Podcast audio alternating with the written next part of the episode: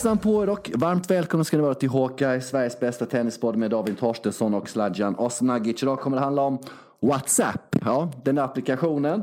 Det kommer handla om eh, Rogers senaste skada. Vi kanske klämmer in lite Andy Murray. Så ska vi prata om generation 96. Och detta är alltså det 61 Håkan någonsin. David, vi fick ju besked förra veckan om att det var det 60 avsnitt. Jag hade ju tappat räkningen för länge sedan och kände mig lite vilsen i mig själv. Men sen då vi blev upplysta om att det var 60 förra veckan så känner jag att jag har hittat mig själv igen. Hur känner du? Jag tycker att just avsnitt 61 känns väldigt speciellt. Det känns som en stor dag i Håkars historia. Det är avsnitt 61 helt enkelt och eh, ja, det känns mäktigt Sladjan. Hur mår du idag förresten min vän? Är du studsig? Ja, nej, jag mår bra och jag tänkte på det igår kväll att fan jag gillar siffror alltså. Du gillar väl också siffror? Gör du inte det? Ja, jo då, i måttliga mängder. Ja. Varför gillar du, varför gillar du siffror? Nej, men det är ett släktdrag tror jag. Eh, jag har ju alltid varit fascinerad av tabeller och nummer hit och dit. Men jag är ju rena rama barnet jämfört med min syster och pappa. Som är helt... Ja, syrran har utvecklat olika siffersystem och lottosystem. Hon är ju spelar på olika... Hon är oerhört... Alltså jag är rena rama skämtet i jämförelse. Så det tycker jag är jävligt fascinerande. Men du, eh, mår du bra? Är allting under kontroll? Barna, lyssnar de eller inte? Det är skitbra. Allt är Okej, perfekt. okej. Och perfekt, det var ju mitt stalltips förra veckan när vi hade podden när du då skulle vara kaxig och skulle sätta mig eh, mot, mot kan, liksom sätta press på mig och sen Sladjan, vem vinner Delray Beach? Och jag sa Riley och Pelka till vilket odds då var det nu igen?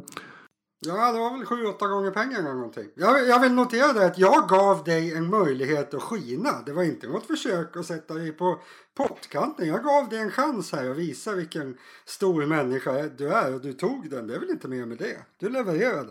Ja, helt rätt synsätt. Du, eh, WhatsApp-grupp eh, har vi då en med, med tre stycken deltagare som är Roger Federer, Rafa Nadal och Novak Djokovic kom fram nu i veckan i Dubai där, Novak berättat om tre om WhatsApp-grupp där de diskuterar lite olika saker. Vad tror du de diskuterar i den WhatsApp-gruppen? Är det nyhetstorkan när veckans nyhet är att de tre har en vodka? Alltså, jag vill ju tro... Det är ingen nyhet David, det är ingen nyhet. Det är Det är bara det. en, Det var- mjuk, en mjuk diskussion Novak släppte det. Det är en supernyhet. Eh, skitsamma. Jag vill ju tro att de sitter och småpratar lite på kvällarna. Roger sitter där med och, och nafsar i sig lite choklad och drar, sitter och spånar liksom. Nej, men hur kommer det bli i sommar? Och så drar ah, Raffa och, och Novak. Hur känner ni? Kommer ni vara i skick till Roland Garros? Är det någon idé att jag är med där? Och de svarar, Raffa svarar varmast på en sekund. Eh, Novak har en lång utläggning om att han kommer vinna Franska öppna i år. Eh, och så bestämmer sig Roger då för att eh, hoppa av Franska öppna efter det. Man vill ju tro att de sitter och småspånar lite sådär. Eller vad, hur känner du? De har alltså en grupp men är den torr eller är den underhållande liksom? Jag känner många saker. Först vill jag bara liksom, jag tror aldrig jag har frågat dig någonting eh, om Roger utan att du ser att han äter choklad framför varför denna? Varför har du så Roger så? Jag menar, ibland får jag känslan att du tror att han äter mer choklad än spelar tennis, vilket kan stämma de senaste åren då. Men, eh, Ja, men jag, jag, varför ser du jag- chokladen? Ja, men han, jag ser ju det framför mig. Han är en gottegris Roger. Alltså om man ser... När, när jag ser de här tre framför mig. Novak han hittar ju på en massa saker. Han är ute och liksom jagar eh, pumpor på, på serbiska landsbygden och lyfter upp dem och kramar lite träd. Och så träffar han en gud. Han håller ju igång liksom. Nadal han tränar ju då 10-12 timmar om dagen och sen sitter han i soffan på kvällen och småstudsar liksom kan inte sitta stilla, sitta och muttra och varma och sen liksom han, han klarar inte av att göra någonting annat än att spela tennis. Så gör han någonting annat då är det så här alibi gör. Han åker ut med båten ibland, han vill egentligen inte göra, han vill bara träna.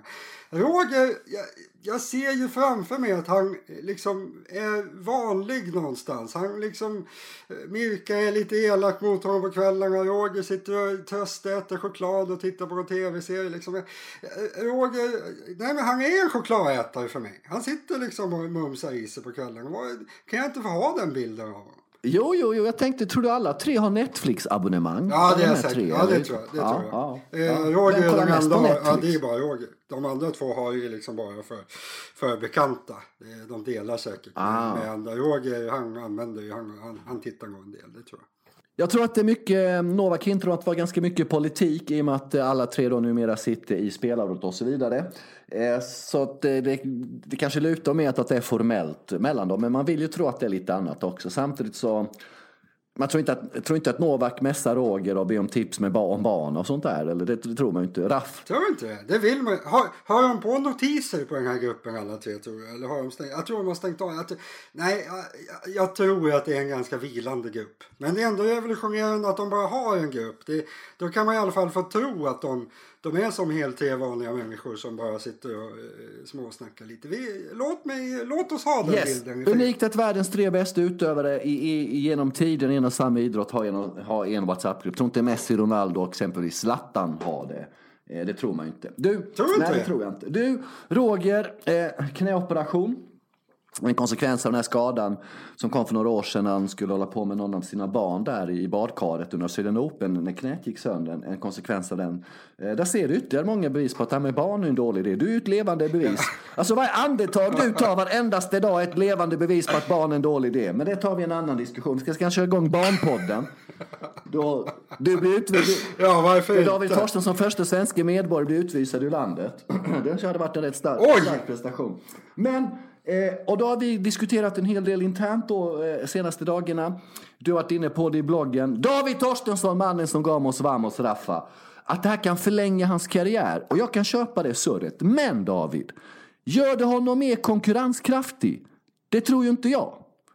Gör, alltså, kanske förlänger karriären, men hans chanser att vinna en Wimbledon-titel till blir ju inte större av detta. Det har jag väldigt svårt att tro. Nej, men hur tänker du kring alternativet då? Man har gått runt, alltså det var ju Sen om det var det här eller inte, men han kände sig inte helt fräsch i Australian Open. Och Roger är väl inne i en liten sån fas att alltså är inte han riktigt hundraprocentig, nej men då kommer han ju aldrig kunna utmana de andra. Så måste han inte ta den här liksom halmstrån att knä, knät ska bli helt fräscht och han hoppas på att det ska ska liksom bli så pass bra att han kan konkurrera ändå.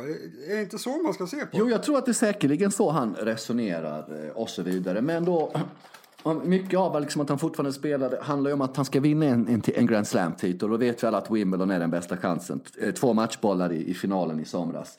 Eh, eh, exempelvis, som han inte lyckades ta vara på. Eh, och eh, då har jag svårt att se hur det här ska göra honom bättre. För han måste ju upp ett snäpp eller två för att slå en Djokovic i en Wimbledon-final om vi ska vara krassa. Absolut, absolut. Sen, alltså, jag, tror ju att hans tanke är just det här att det kändes säkert inte tillräckligt bra i kroppen i Australian Open. Det såg man ju liksom mot Djokovic där att det, ja, det, det räckte inte till bara. Det, det fanns inte tillräckligt mycket i kroppen.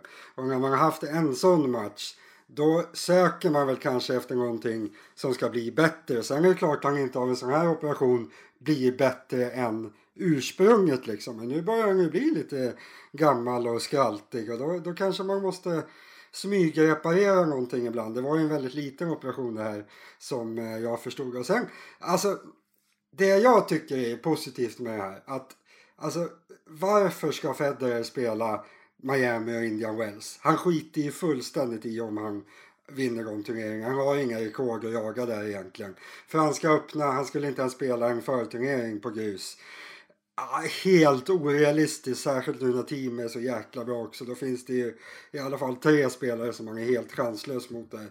Eh, så alltså, jag tror ju att det här är en ganska liten operation. Han kommer säkert kunna vara igång och träna ganska snabbt.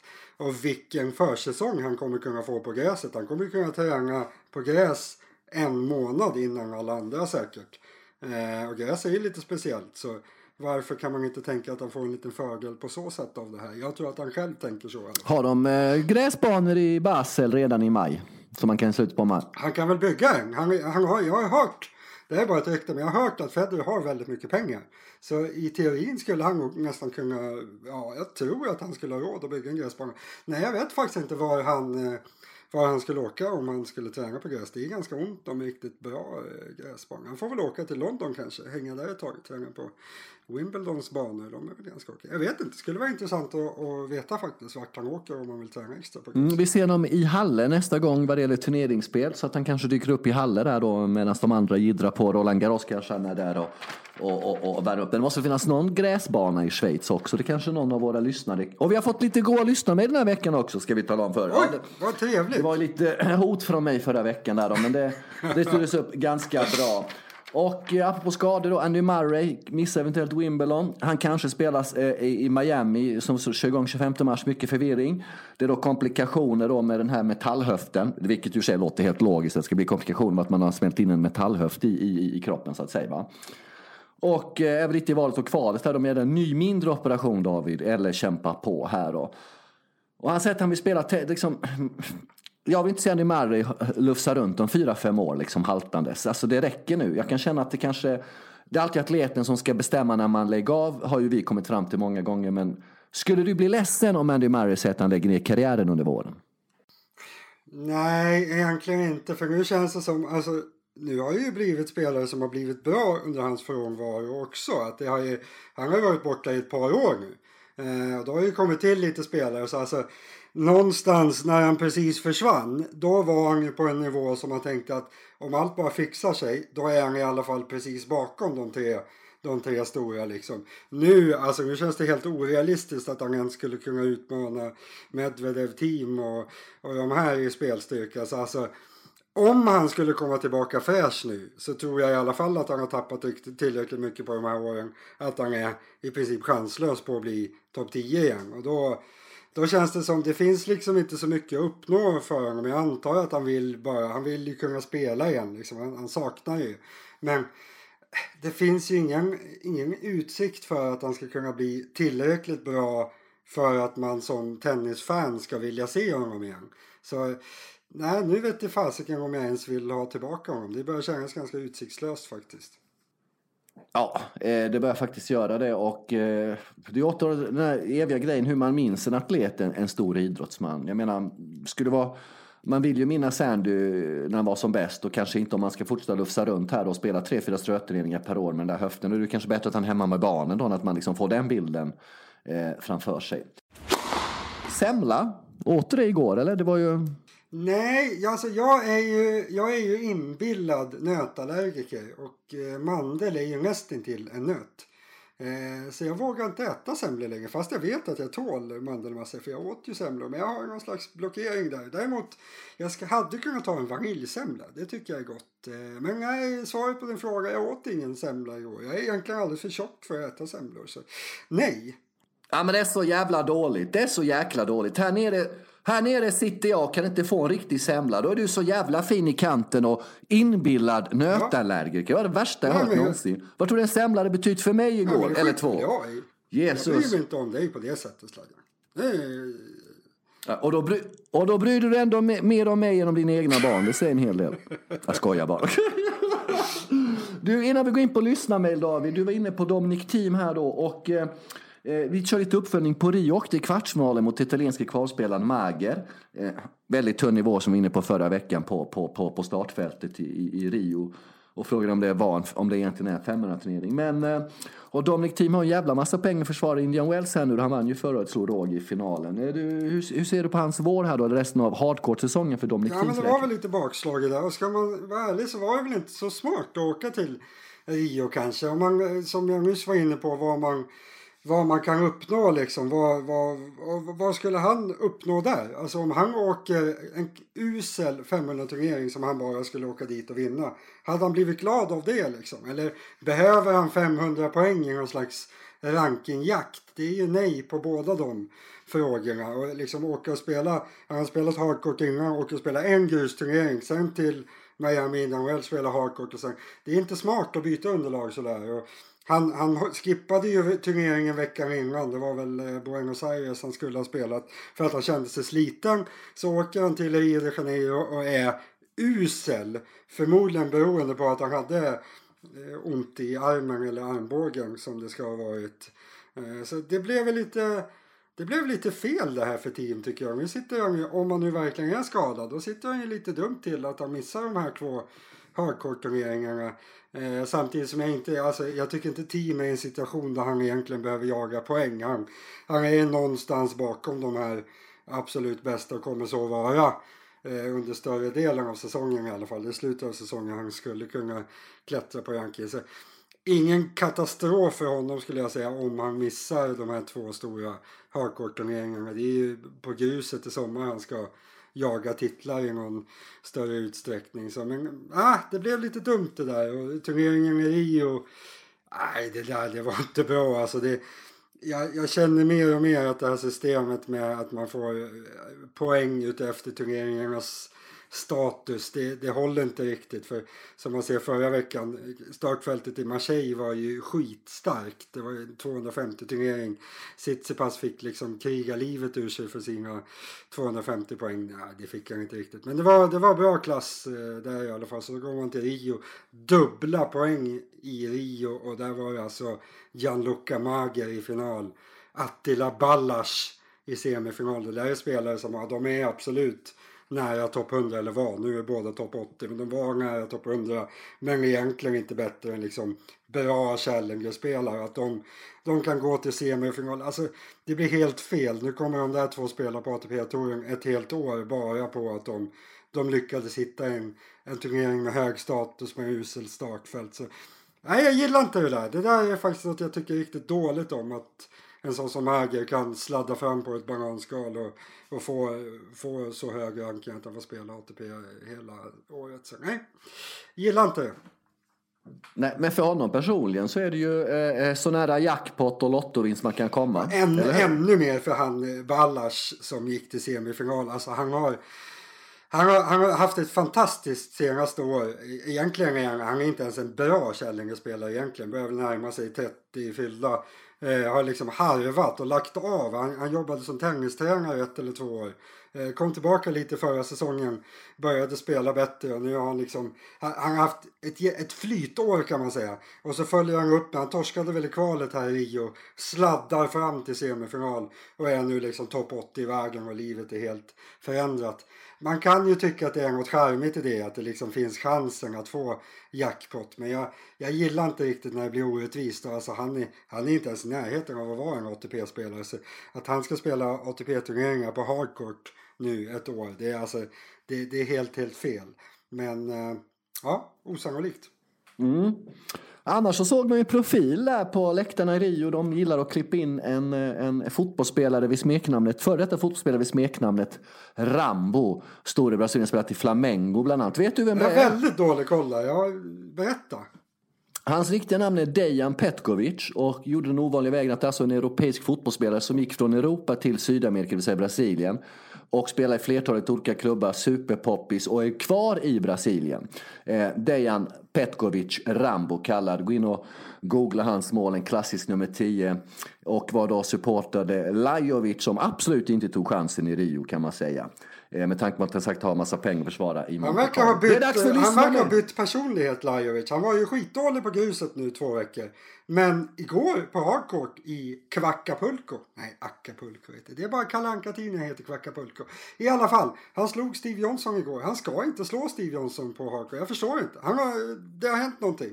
Han har bytt. ATP Cup. Ringer en klocka. Absolut, men vad var det som hände där som gjorde honom till en fantastisk hardcourt-spelare?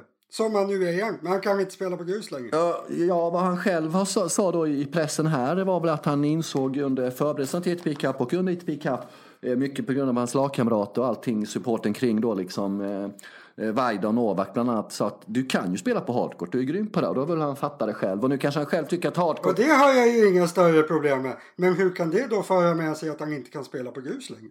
Och det tror du att jag skulle kunna svara på rakt upp? Absolut! Ja. Nej, jag har inte den blekaste David. Alltså.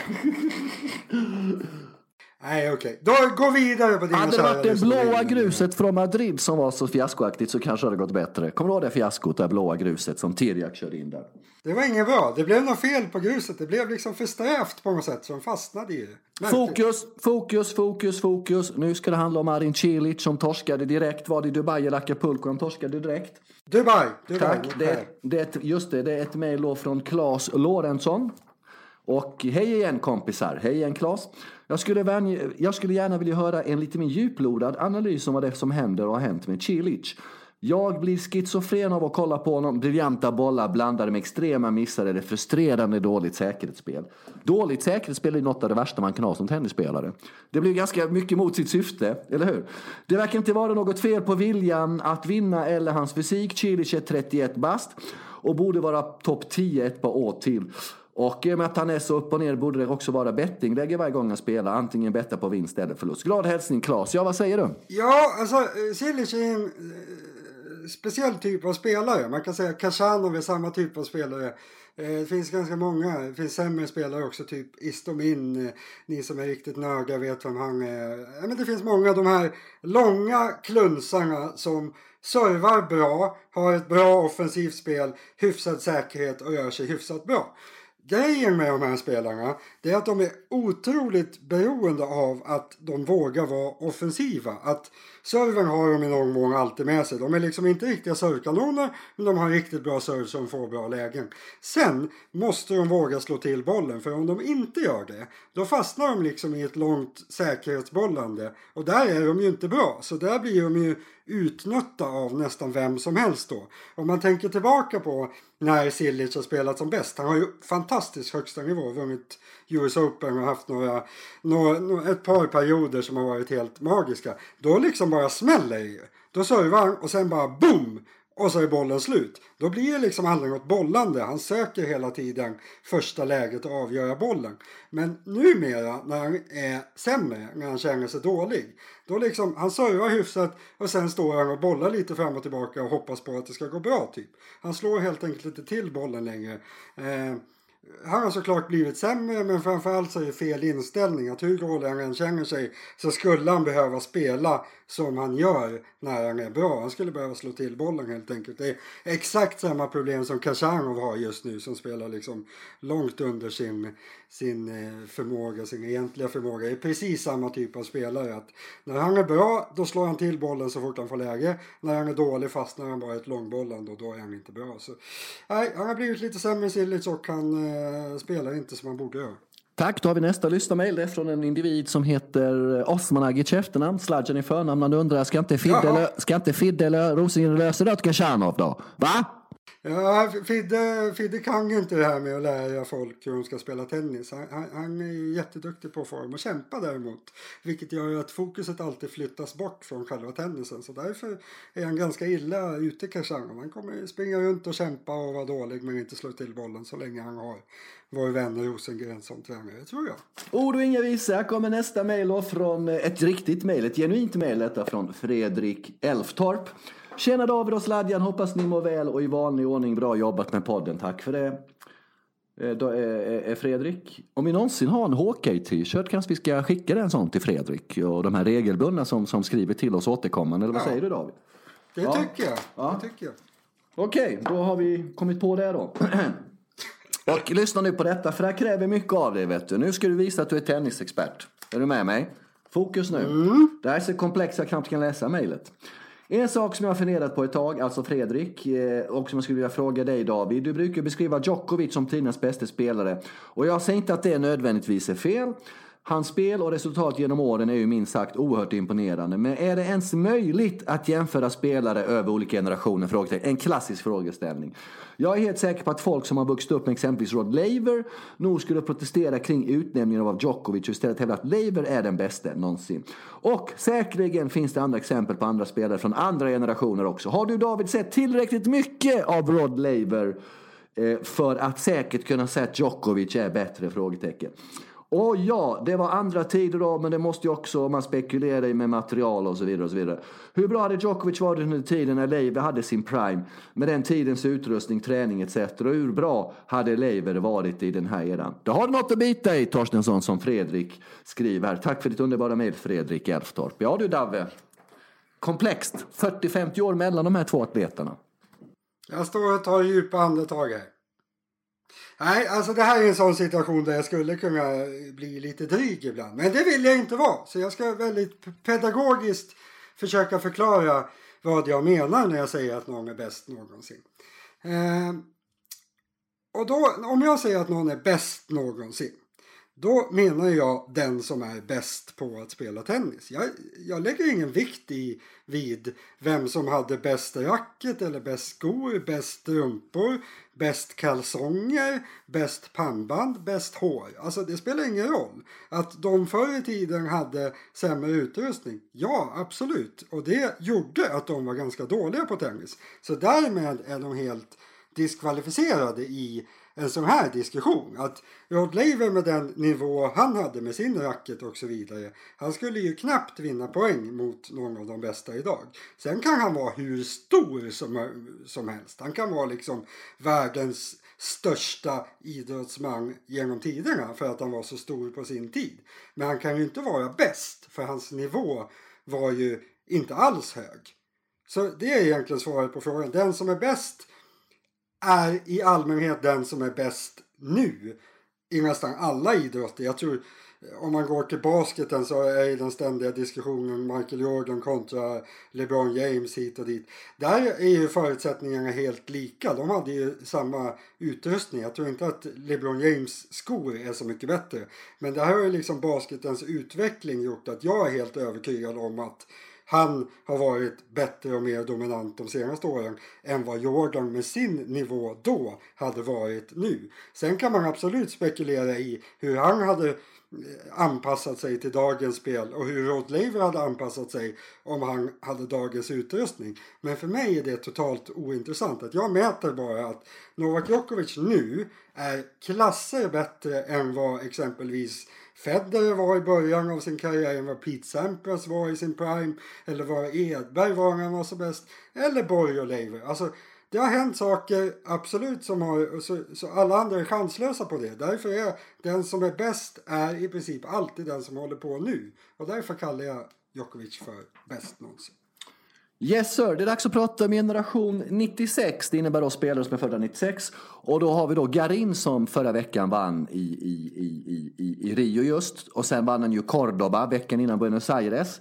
Två titlar redan 2020 för Garin. Och han är en del av generation 96 då David tillsammans med bland annat Borna Coric, Elias Ymer, Eh, Medvedev Danny, Karen Cacciano, Fides Adept och italienaren Berrettini. Berrettini nådde semifinal i US Open i höstas va? En av åtta i ATP-slutspelet, eh, också i London. Cacciano har vunnit en ATP 1000. Medvedev har spelat Grand Slam-final och vunnit ATP 1000-turneringar. Vi har ju då eh, Garin med sina två titlar 2020. Choric har spelat final. Shanghai ATP 1000 bland annat. Elias är ju helt klart och hållet av de här sex vi nämner här den som är helt mest, mest långt efter och inte uppnått någonting egentligen. Ja, det, nu, nu satt jag mig, jag tyckte att det var så intressant när vi kom, kom på det här igår. Så jag satt mig och skrev en jättelång text om det här på, på eh, varmosraffa.se. Alltså, det är fascinerande den här år, årgången och det, man har, det som har fått mig att börja tänka på det, det är att Garin har ju kommit upp nu och är topp 20. Och han har ju ett väldigt fascinerande öde. Han, alltså, är det någon som kommer ihåg att han var den som var allra längst fram i den här flocken. Han vann Franska öppna juniorsingel 2013. Fick wildcard till Båstad. Jag tror alla han kom till Båstad. Va? Men i alla fall, han har ju ett väldigt intressant öde faktiskt. Han, han var bäst först. Sen fullständigt, han var ju nere på Future-touren för bara ett par år sedan. Eh, han eh, spelar bra på Källingetouren, nu tar sig in på ATP-touren och är nu en av de bästa i världen. Så han har ett fascinerande öde och det finns ju fler i den här generationen. Jag har alltid skrivit mycket om de här 96orna för de skulle vara så sjukt bra. Eh, grejen är bara att det är de som inte skulle vara bra som har blivit bra. Det var Garin låg väldigt bra till, Choric låg väldigt bra till. Sen fanns det en italienare som hette Quincy som var lika bra som de här. Han vann det här året då de här spelarna vann junior Grand Slamsen, då vann han Wimbledon. Han är totalt väck nu. Och så Elias Ymer såklart. Det var de som var, de fyra var, var, var liksom bäst. Nu är det Choric, som, lägger in som kanske har varit längst ner i skiten som är bäst av de tre. Men han är fortfarande inte i närheten av att vara bäst. Det är tre andra 96 år som var helt väck som juniorer ska jag inte säga. Kachanov var bra som junior. Berrettini och Medvedev stack inte alls ut som juniorer. De är absoluta världsspelare. Eh, så ganska okej okay generation 96orna men eh, ja, de blev inte bäst. de som skulle ha blivit bäst. Vad drar vi för slutsats av det Sladja? Ja, det är att det kan hända väldigt, väldigt, väldigt mycket eh, mellan man är säg 16 och 25 då eh, i livet och om du är idrottsman och atlet och så vidare. Eh, det är väldigt intressant och eh, men är det inte så David att det är lättare som junior att nå framgång om du inte har det rätta psyket? Sen är det en helt annan sak när du blir senior. Alltså... Ja absolut och framför allt det ännu mer det rätta spelet. Alltså om man går till de här Quincy och Ymer som inte riktigt har lyckats än så länge så kan man ganska tydligt se, alltså i alla fall som jag ser på det, samma med han Daniel Berta som vann eh, Franska öppna juniorsingeln, att har man ett spel som liksom är ganska vekt, det är säkert men vekt, då kan man se att nej men det här kommer inte funka så superduper bra eh, på seniornivå. Går man till de här tre som har blivit bäst bland de här 96orna, Medvedev, Berrettini och Khachanov, de har ett sånt typ av spel som jag kan förstå att de inte var så här superjuniorer. För har man serven som sin starka, sitt vapen liksom, då man är inte tillräckligt stor när man är 15, 16, 17 för att serven ska bli helt avgörande. Då är det mycket bättre att vara en liksom Hewitt-typ som är Elias Ymer som springer omkring och inte missar någonting medan de här stora klunsarna ännu inte har liksom fått full utväxling på sina vapen. Sen växer de till sig medan de lite mindre spelarna eh, inte riktigt klarar att föra, av si, föra över sitt spel till seniorklanger. Så min slutsats någonstans när jag satt och skrev den här texten det var att vår svenska modell den är ju egentligen att Nej, men man ska vara lika bra på allting. Du ska träna lika mycket forehand, lika mycket backhand, lika mycket serve, lika mycket fys. Du ska vara exakt lika bra på allting. För det är liksom sättet att vara så bra som möjligt i, i ung ålder. Medans spelarna från andra länder har en rackarns tendens att ha någon grej som de är sjukt bra på. Och sen fortsätter de att förfina den till max och sen bygger de ett spel runt den som, som fungerar. Det, det är fascinerande hur vi i Sverige hela tiden får fram de här exakt likadana spelarna. Eh, jag tycker det är intressant att de som lyckas, det är de som har ett vapen redan i tidig, tidiga år. De kanske, inte, de kanske inte lyckas som juniorspelare men senior, seniorspelare har de en Ja, de har en tendens att lyckas bättre än de som är stöpta i den här typiska eh, svenska formen som inte visat sig vara så lyckad. Men vi får väl hoppas att Elias Ymer lyckas bli topp 100 i alla fall. Just nu är han inte ens topp 200 så han inte blir allra mest misslyckad av de här fantastiska 96orna. Väldigt skrämmande eh, eh, eh, att man ska stöpa i samma form allihop och sagt som inte har nått framgångar på tusen år. Och eh, även om man eh, tittar på en sport från sidan av då som, som är mycket fallet, eller i mitt fall då med tennisen så är det ju ganska lätt att konstatera att när man följer tennis att ett vapen, det är aldrig fel att ha. Och ju bättre vapen och ju mer förfinat det vapnet är, desto bättre resultat för dig som tennisspelare. Det är ju helt sjukt att det ska behöva vara så. Att man inte letar ja, efter precis. vapnet David, att du inte som tränare identifierar vapnet den här personen, adepten har och jobbar vidare med det. Det är helt otroligt alltså.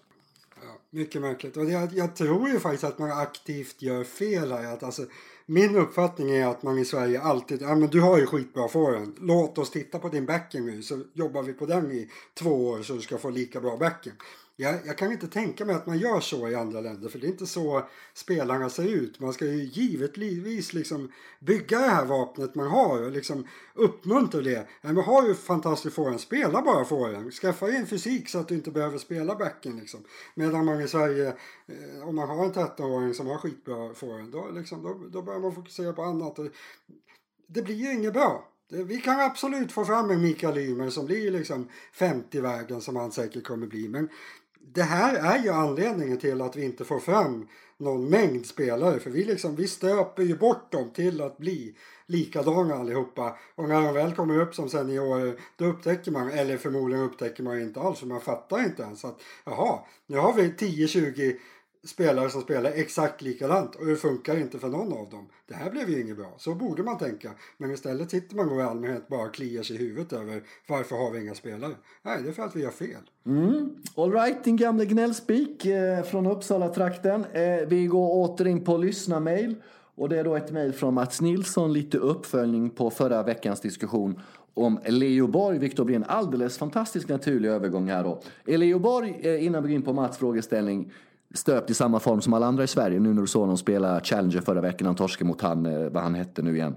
Eh, han från Taiwan. Exakt. Eh, är han stöpt i samma svenska form? Okej. Okay. Okej, okay, det räcker så. Det räcker så. Det räcker så. Nu går vi till Mats, eh, Mats, Mats mail. Då han har gjort ett instick då David på eh, synpunkterna vi hade förra veckan. Och, och, mycket intressant mejl. Så jag började läsa det. Hej! Familjen Borg gör självfallet som de vill och de kan också göra det och få chanser på grund av Björn Borg. Men ett nytt wildcard är en challenger för en spelare som aldrig spelat en future undrar vad Gullbis tänker, skriver Mats. Mats tycker två stora saker här. Dumheter och riktigt dåligt ledarskap av klubb, tränare, akademi eller vem som nu styr Leos tävlingsupplägg. Två. Förbjud detta. ITF och ATP borde komma överens. En spelare ska inte kunna få ett wildcard på ATP-nivå om man aldrig ens spelat en future. Jag skulle till och med kunna drista mig till att säga att man skulle ha vunnit minst en match i en main draw på 15 000 dollars nivån för att få ett wildcard. Undantag, sen kommer ett instick. Ja, det kommer alltid underbana och så vidare. Okej, då låter New York få testa Challenger om man till exempel spelat semifinal i en Grand Slam eller topp 20 i världen på juniorrankingen. Vad känner du här på, på Mats synpunkter, David? Ja och ja, faktiskt i stora drag. Jag håller med i otroligt stor utsträckning. Alltså, på punkt, första punkten där så, alltså jag har själv lite problem med det här. Alltså man säger väl för i helvete inte emot Björn Borg. Alltså man hamnar i en helt knäpp situation där. Där jag ska, jag skriver hela tiden människorna runt Leo Borg. Men i själva verket menar jag ju Björn Borg. Men det känns så otroligt obekvämt. Att alltså, han, är, han är så cool den här gubben. Så vi snackar ju liksom alltså Sveriges största idrottsman genom tiderna. Och alltså en av de coolaste idrottsmännen man vet. Det blir ju jätteknepigt då att sitta och liksom såga honom för att han gör helt fel med sin son. Och jag tror att det är nog där eh, svaret på, eh, var det Mats som skickade det här mejlet, hans fråga eh, om det här med ledarskap i klubb och så vidare. Eh, de som jobbar i Leos tennisklubb, det är väl Kungliga han spelar för. Eh, alltså jag har ju jag har ju väldigt svårt att se att de ska liksom säga någonting om hur han ska sköta sig när Björn Borg är hans pappa liksom. De, de måste ju vara livrädda för att, för att säga någonting överhuvudtaget. Så det blir väl lite det där kanske att eh, familjen låter det bara rulla på och ingen runt omkring i övrigt vågar liksom säga att Nej, men det här är inte så, så smart alls. Han spelade ju en match, han spelade ju mot Gullbys igår kväll. Alltså det, han vann fyra bollar i Gullbys serve och det är alltså fyra returpoäng.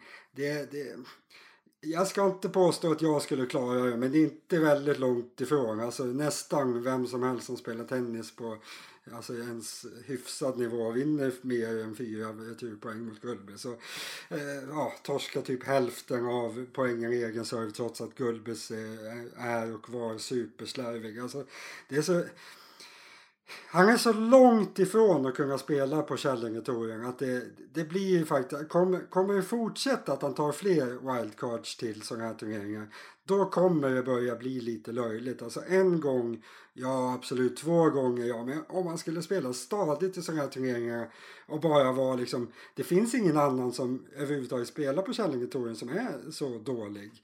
Och då ska man veta att han är bara 16 år och han är inte jättebra för att vara 16 år. Så det är inte, det är inte konstigt att han är för dålig. Men eh, sätt honom inte på att spela i de här turneringarna då utan Alltså, låt honom prova och försöka se om man kan vinna en kvalmatch till en future-turnering liksom. Så tar man det därifrån och ser vad man ska göra. Så, nej, det är inte så bra. Och för, eh, punkt två där, jättebra. Jag tycker man borde behöva gå Alltså man kan väl behöva gå till kvarten eller gå till semi i future-turneringen innan man blir tillgänglig för Challenger-turneringen. Känns ju fullt rimligt. Mm, det känns ganska rimligt. Mats fortsätter här då David apropå svensk eh, tennis och framtid och talangutveckling. Eh, hur ser det ut för svensk tennis framtidsmässigt undrar David. Och på här sidan är det ju inte så att vi identifierar några prospects som vi tror kan gå från att vinna någon enstaka match i en Challenger i Turkiet till att börja vinna matcher på Challenger-nivå. Eh, ännu svårare att ta sig in i ATP-sammanhang. Nu har det pratats om 03 ornas förträfflighet, fortsätter Mats, i flera år. Nu är de 17 och Borgs upplägg tror jag inte på alls. Däremot valet att åka till Sydamerika för att nu ha poäng för kval i Franska öppna. Men Mats menar på fullt allvar att han inte tror att någonting om den generation innan vi sett dem mot, sett dem mot seniorer som ni gjort i Leos fall två gånger om och det har inte gått så bra. Hur många game tog han mot Gullbys förresten totalt? Okej. Okay. Och fyra förra veckan va, i, i Bergamo där va. Eh, eh, du, du, du. Ja, det är ungefär det han eh, eh, eh, skriver här. Ja, han är skeptisk. man, man, ja, man blandar ihop det där lite. Att alltså, jag är ju väldigt oinvolverad i gräsrotstennisen i Sverige. Jag är däremot otroligt involverad i den internationella tennisen. Jag, har ju väldigt, jag tittar ju på en ofattbar mängd tennis från liksom Ja, från både ATP-touren och Källingetouren. Så jag har ju liksom väldigt bra koll på vad som krävs för att komma upp på Källingetouren. Och det vill säga runt 300 i vägen. Och alltså, när jag ser Leo Borg spela nu, om han ska vara den typ ledande spelaren, spelaren bland de här 03 som anses vara en stark generation. Så alltså, om han når Källingetouren och liksom får ranking att stadigt kunna, kunna spela på den nivån. Då har nog han krämat ur väldigt mycket av sin karriär. Så om det är så att vi har en generation, eller årgång rättare sagt, som anses vara väldigt bra. Där toppen i den generationen kan vara en spelare som eventuellt når Källingetouren. Eh, då är det inte särskilt bra. Alltså då, då ser det inte så bra ut och det är väl min generella bild. Att, alltså, ja, vi pratade ju om det tidigare i avsnittet här. Alltså, alltså, som strukturen ser ut nu och som den nivån vi generellt har för att få fram spelare för, på ledarsidan och så vidare. Enda chansen att vi ska få, få fram någonting det är att det kommer några extremfall som bröderna Ymer är. De har ju liksom ingenting att göra med hur vi utvecklar talanger i Sverige. De har ju liksom, det är bara tur att de kom fram, precis som Söderling var på sin tid. Så egentligen kan man säga att vi har inte haft något program för talangutveckling i Sverige som har puffat ut en enda spelare de senaste 20 åren. Eh, och om det är så, då ska man väl kanske sätta sig och fundera lite på om man gör någonting fel. Men min uppfattning är väl att man istället bara sticker huvudet i sanden eller kliar sig i huvudet eller vad man ska säga. Man accepterar inte att man är värdelös helt enkelt. Nog om detta, vi kommer inte få fram någon eh, riktig toppspelare förrän någon vågar gå. Och då är det väl föräldrar det handlar om. En helt egen väg. Kanske skicka ungen till någon akademi i Florida när 8, 9, 10. Eller ner till Muratoglu i Frankrike när ungen är 8, 9, 10. Stay away from Sweden to make a good tennis player helt enkelt. Nog om detta, sista mejlet.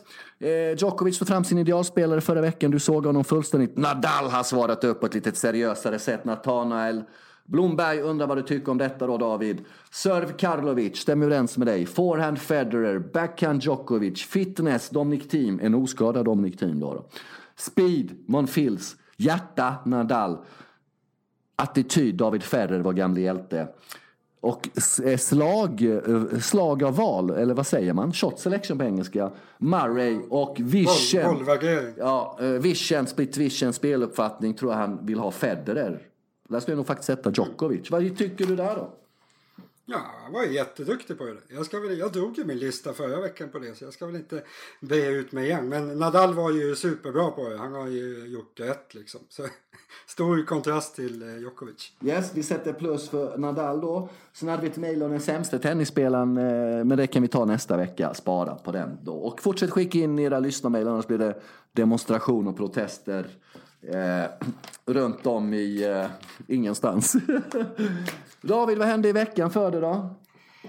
Ja, det är väldigt oklart min vän Sladjan Osmanagic. Idag ska jag ju då vara ensam hemma med barnen. Oj, Eh, oj, oj, oj, oj, Från oj. klockan 12, nu är klockan 20.11, från klockan 12 till Ja, hon säger 20 min fru, men jag tror snarare att det är klockan 21. Så jag kommer i princip att vara med om hela dagen här eh, ensam. Eh, och Eh, nej, det kommer gå ganska bra. Jag, jag har dock ingen plan. De kommer säkert bli uttråkade efter tio timmar när det här med att sitta och titta på tv och äta kakor är uttjatat. Så vi får se hur det går. Eh, det är idag. Han är alltså lite sjuk den ena, vilket de är hela tiden, vilket är högst oturligt. Sen i torsdag, fredag eh, skulle jag egentligen ha spelat pingis-SM, men det blev inte av nu för de missade att anmäla mig i år. Eh, så det blir inte.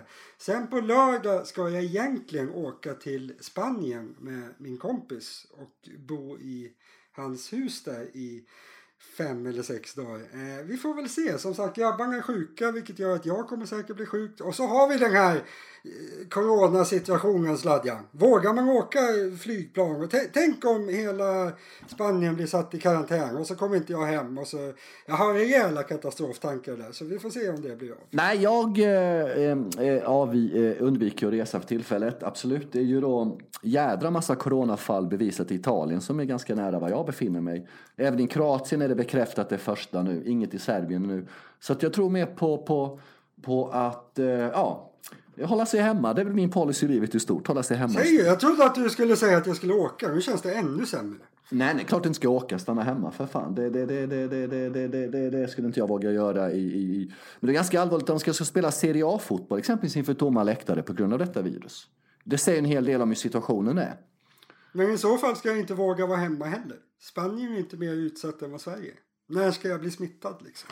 Jag vet inte, jag jobbar inte med smittskydd och smittorisker och så vidare. Men... Det hade varit bra om du gjorde det så ja, att du kunde svara på lite frågor. I och med att vi har nu gjort 61 avsnitt av Hawkeye och det innebär då rent logiskt sett att du och jag har jobbat tillsammans i lite drygt ett år.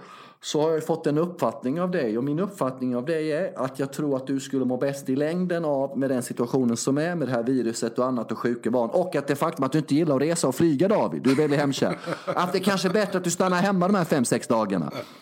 Kanske att din fru ja, skulle det... uppskatta det eh, eh, som drar ett jävla... Kanske att du ska köpa en semla till henne och visa din uppskattning. Kanske att du skickar ner en semla till mig för att visa din uppskattning för mig också. Det, ska... det går okej okay att göra andra människor glada någon gång om året, David. Förstår du vart jag vill komma? Jag tycker det var, det var ett bra avslutningstal till dig. Jag tar åt mig. Jag suger åt mig som en svampsladga. Det ska jag tänka på när jag njuter. Nu ska jag gå och ta en kaffe, ska ta en cigg, ska vara ledig. Nej, ledig ska jag inte vara. Ska njuta bo ensam, leva ensam, gör precis vad jag själv vill, precis hela jävla tiden. Ja, du har det så jävla ingen, bra. Nu ingen, stänger jag av Ingen säger åt mig vad jag ska Usch. göra.